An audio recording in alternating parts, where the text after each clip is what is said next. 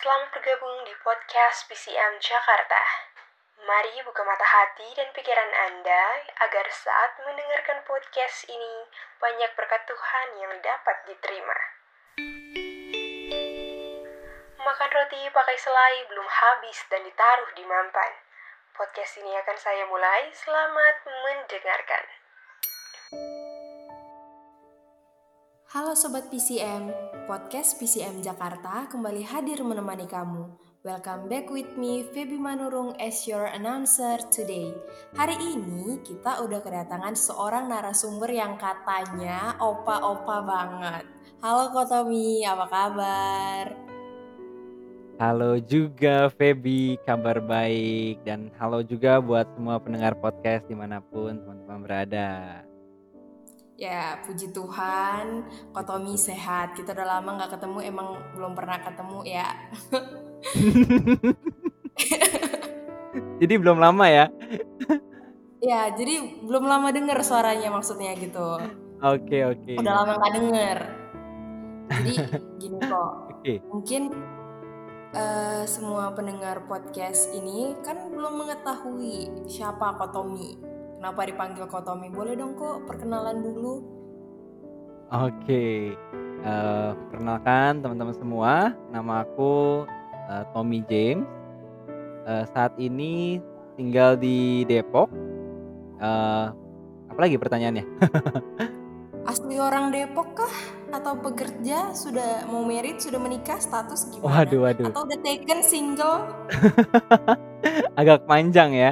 Oke oke, aku eh, puji Tuhan saat ini eh, orang tua punya usaha dan aku melanjutkan usaha daripada orang tua. Gitu ya. Dan pengusaha sukses. amin amin amin. Harus diaminkan ya. Ya, Kata-kata dan Eh. doa soalnya. betul betul.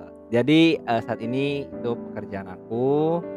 Eh, kalau status em, ya mudah-mudahan eh, tahun mendatang Tuhan boleh izinkan untuk ke langkah yang lebih jauh lagi, yang lebih tinggi lagi.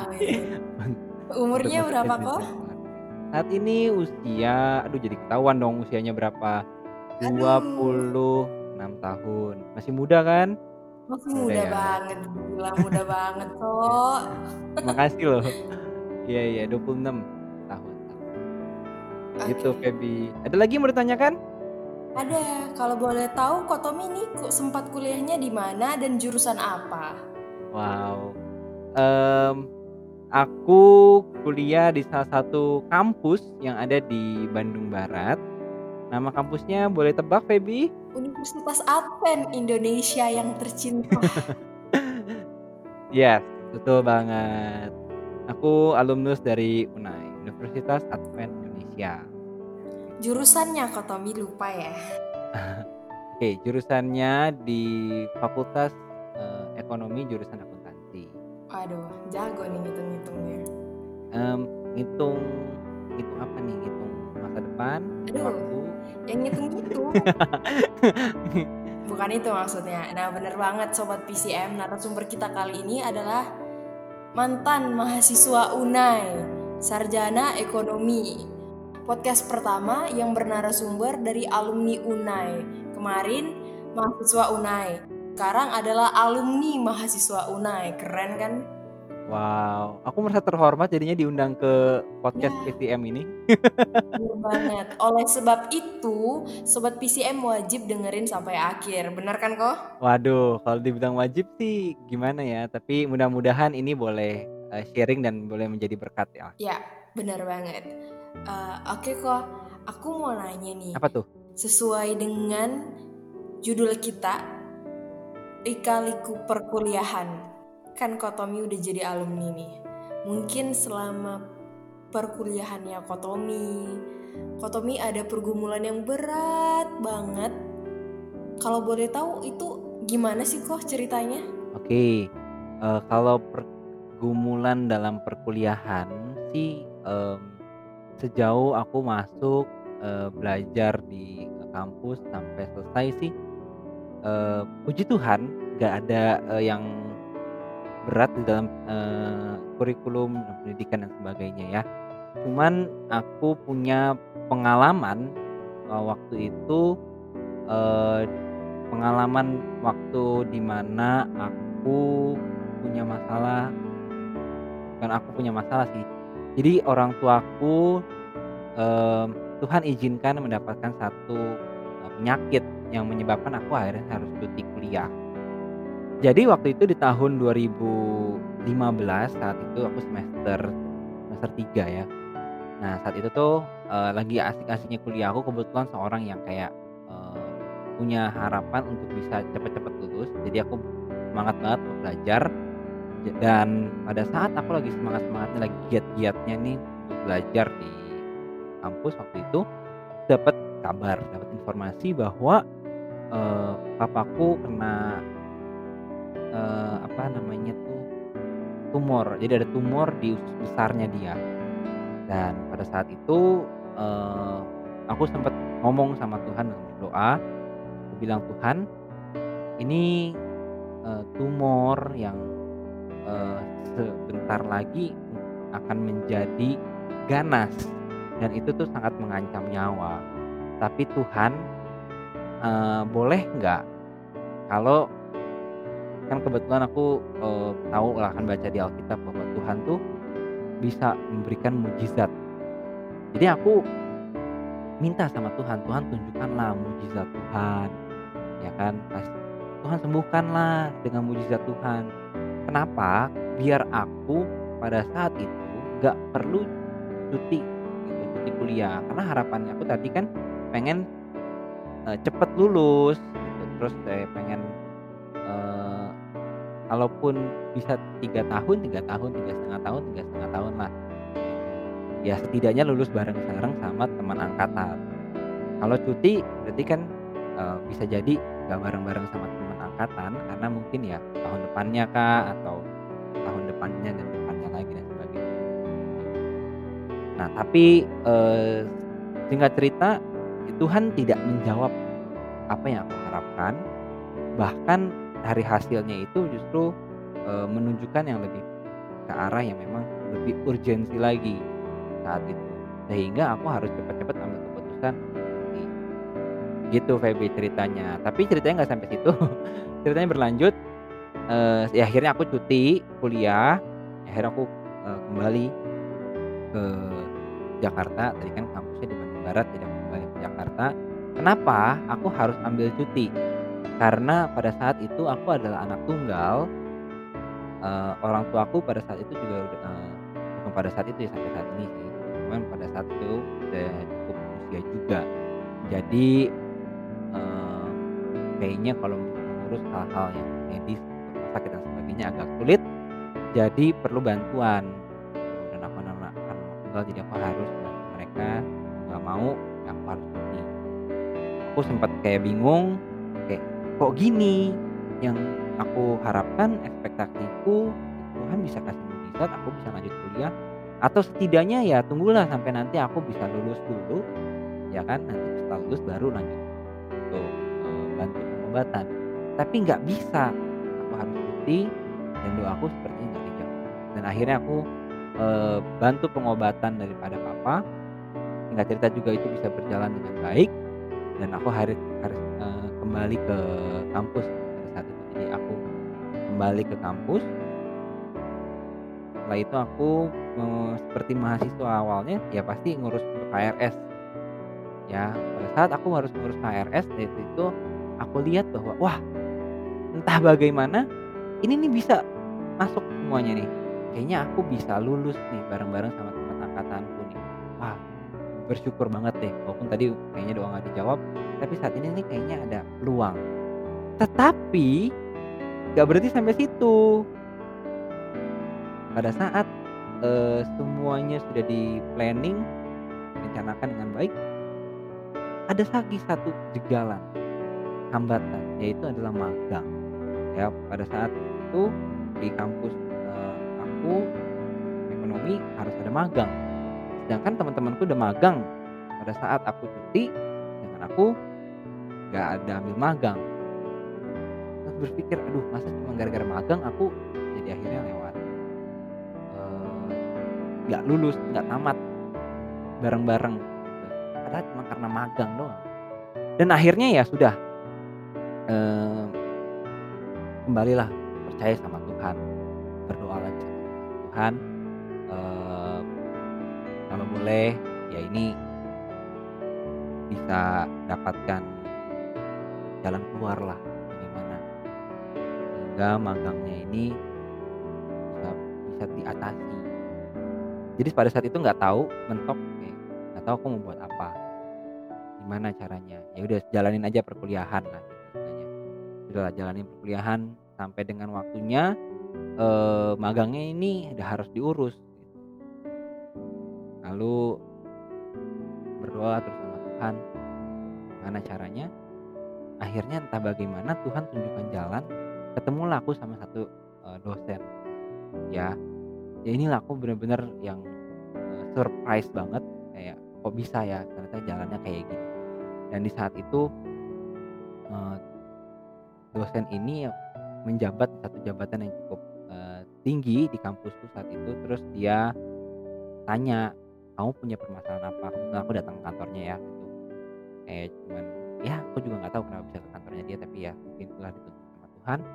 Terus aku datang ke kantornya dia cuma lagi mau main-main baca-baca buku karena ada mini eh, library di kantor dia juga.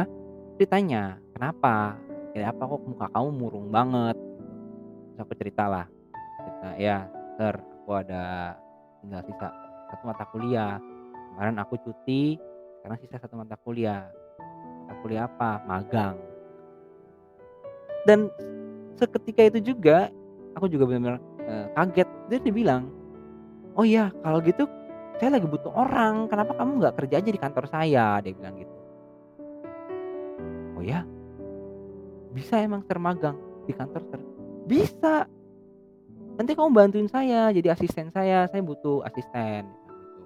Kebetulan asisten yang lama resign dan saat itu aku kayak inget kayak kok gini ya yang Tuhan kasih? Dan aku tuh eh, singkat ceritanya lagi ya akhirnya perkuliahanku bisa selesai.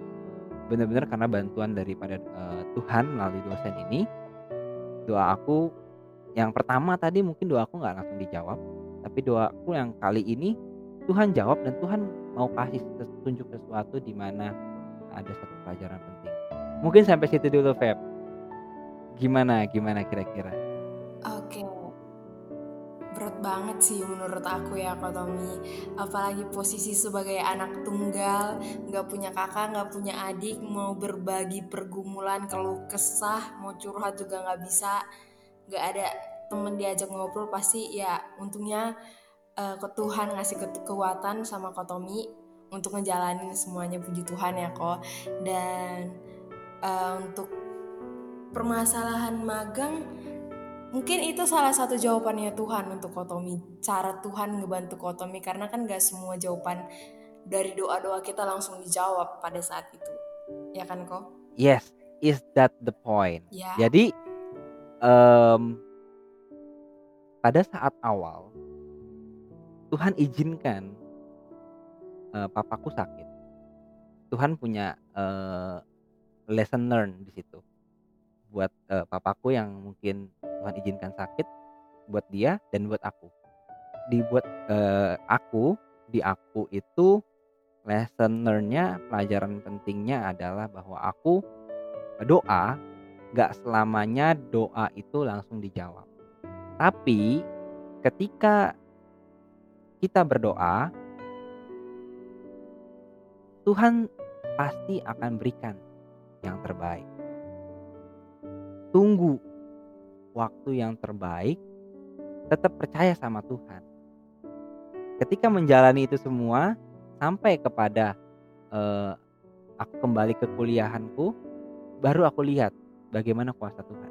Kenapa? Melalui dosen ini yang mungkin Tuhan izinkan juga melalui dosen yang bantu aku saat itu. Kebetulan eh, di fakultasku punya jabatan yang cukup tinggi sehingga aku bisa lancar untuk mengurus karena aku asistennya dia. Mengurus, eee, skripsiku, mengurus, eee yang lain-lainnya. Karena ada bantuan-bantuan daripada dosenku ini. Sebegitu luar biasanya Tuhan buka jalan dan mungkin kalau nggak karena Tuhan melalui dosenku ini nggak akan bisa semudah itu aku. Mungkin gitu, Feb. Oke, ya benar banget sih kok. Kayak pada saat itu juga Tuhan ngasih pertolongan ke Kotomi ya lewat dosen, dosennya itu kan kok. Jadi eh, aku mau nanya nih, kan dari yang aku dengerin saat itu kalau misalkan itu terjadi sama aku kayaknya aku nggak sanggup. Dan menurut aku aku bakalan nyerah. Dari Kotomi pribadi, pada waktu itu terjadi, Kotomi sempat menyerah nggak atau punya perasaan, aduh aku mau nyerah aja Tuhan berat banget pencobaan yang Tuhan kasih sama aku. Gimana kok? Oke, sebenarnya bukan mau menyerah, tapi lebih ke kecewa sama Tuhan. Lebih kecewa sama Tuhannya. Jadi kok kayak gini ya jadinya? Kok Tuhan gak sesuai sama apa yang aku pengen? Lebih ke arah kecewa bahkan sempet kayak pikir kayaknya kok Tuhan jahat banget ya. Kenapa sih gitu? Itu rasanya sakit banget lagi down-downnya di saat itu. Gitu, Feb. Ya wajar kalau misalkan kita kecewa ya namanya juga manusia bisa merasakan kecewaan, sakit hati gitu kan kok. Iya. Nah, eh, seperti yang aku dengar dan simak tadi, Kotomi sepertinya ingin mengejar, tapi Tuhan tidak izinkan tamat. Maksudnya eh, lulus dengan teman-teman seangkatan. Nah, pada saat itu kan Kotomi harus mengejar kan, mengejar yang sudah ketinggalan dengan dari cuti kuliah itu. Kotomi nggak sempat mengalami stres atau gimana? dengan pergumulan yang berat dan pergumulan itu bukan hanya memakan otak dan pikiran tapi fisik juga kan namanya merawat orang sakit pasti susah. Kotomi nggak sempat uh, mengalami masa stres dan gimana cara Kotomi menghadapi untuk atau mengatasi masa stres tersebut? Kan mahasiswa semua mahasiswa pasti akan stres pada waktunya apalagi ngadepin dosen yang sering dibilang killer. Aduh pelit banget ngasih nilai aduh ngasih tugas banyak banget aduh ini dosen gak pengertian banget. Atau gimana kok cara Kotomi mengatasin itu? Oke, jadi ini eh, ada yang sebelum ya sebelum memang benar-benar nge- ngerasa bahwa Tuhan tuh baik, ya kan, sama setelah merasa Tuhan itu baik. Nah sebelum merasa Tuhan itu baik, ya kan, pada saat lagi doanya nggak dijawab nih, pada saat itu, eh, ya pasti eh, stres, ya kecewa. Tapi ada satu sebenarnya ada cerita lagi di mana eh, proses eh, tindakan daripada papaku ini yang dipilih karena pada saat itu harus operasi. Nah itu ada satu mujizat yang Tuhan berikan. Ya jadi kalau mau diceritain mungkin panjang lagi tapi singkatnya kita ada janjian sama satu dokter untuk mau eh, jadwalkan tindakan operasi. Jadi kita udah minta advice ke beberapa eh, dokter, jadi yang ya istilahnya second opinion lah ya. Nah, beberapa dokter bilang bahwa harusnya pada akhirnya papaku ini harus kehilangan maaf kata eh, lubang duburnya, ya, karena ini dia punya tumor ada di dekat sekali dengan lubang dubur ya maaf kata. Jadi semua dokter bilang seperti itu dan kita tahu bahwa itu akan membuat mental dari seseorang yang mungkin biasanya normal kalau buang air besar tiba-tiba ini dengan sesuatu hal yang baru. Ini pasti secara psikologis pasti akan eh, berpengaruh dong gitu. Karena akan eh, lewat eh, apa kata pembuangannya dari nah kita sudah pasrah saat itu. Pasrah bukan berserah. Nah ini salahnya. Kita udah pasrah.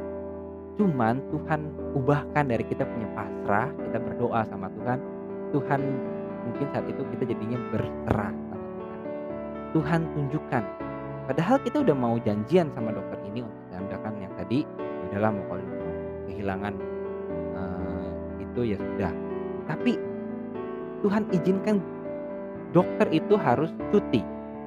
Sehingga kita balik ke mencari dokter lainnya.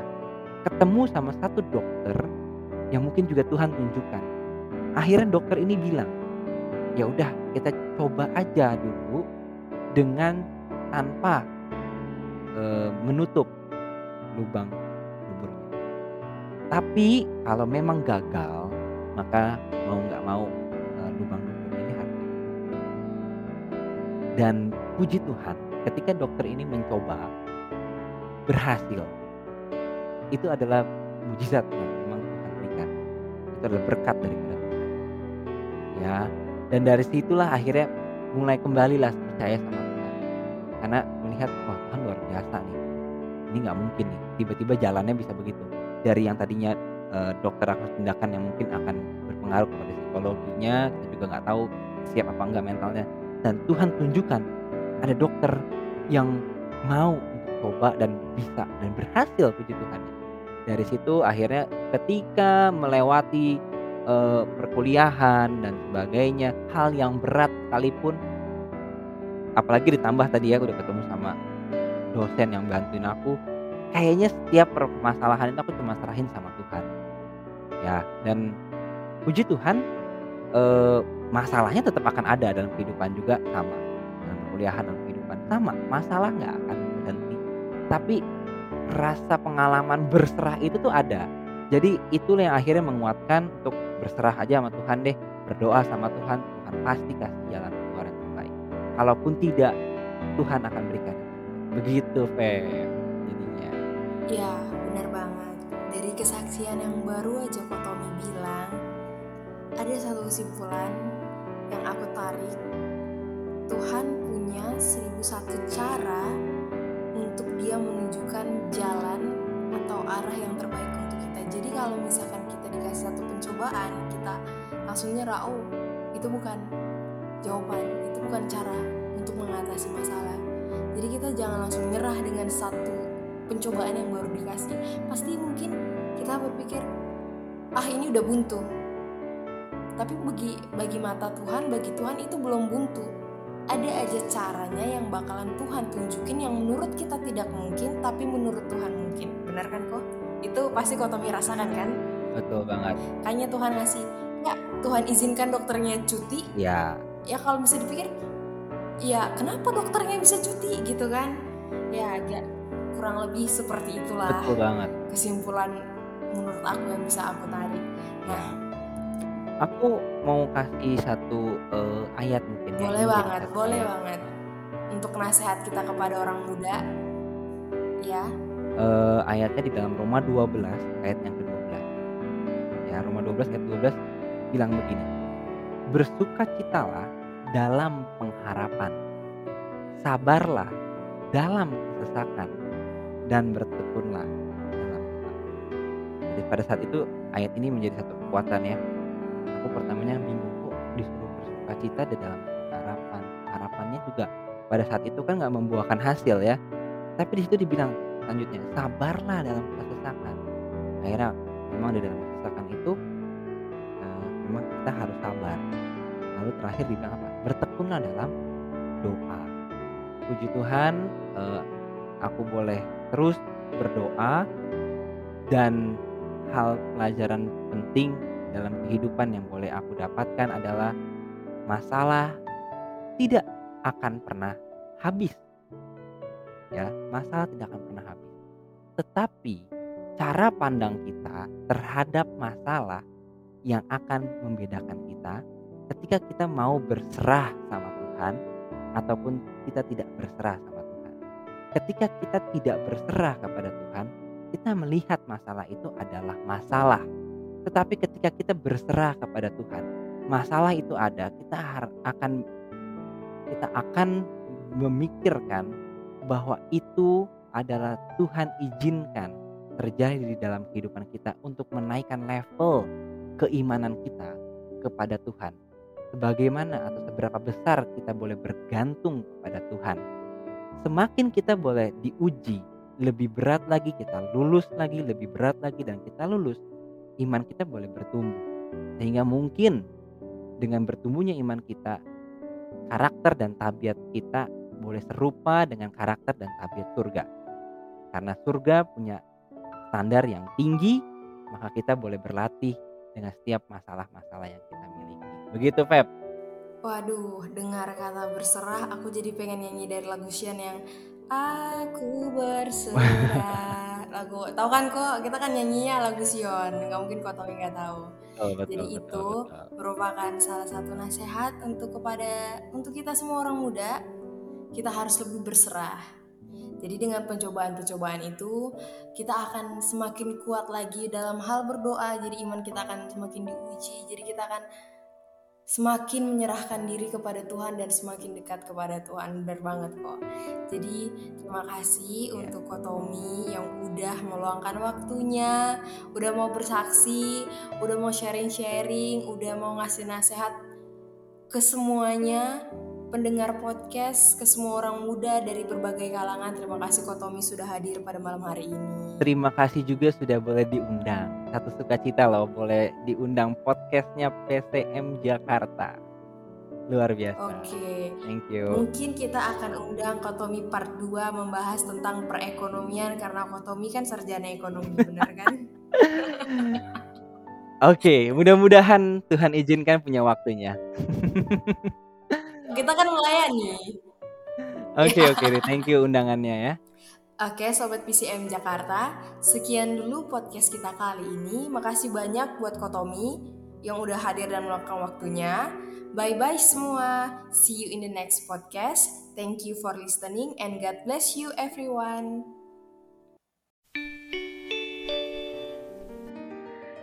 Thank you for listening our podcast. In the next podcast and don't forget to follow our Instagram, YouTube, Facebook, and our Spotify. PCM Jakarta, follow Jesus embrace his missions and chains to work.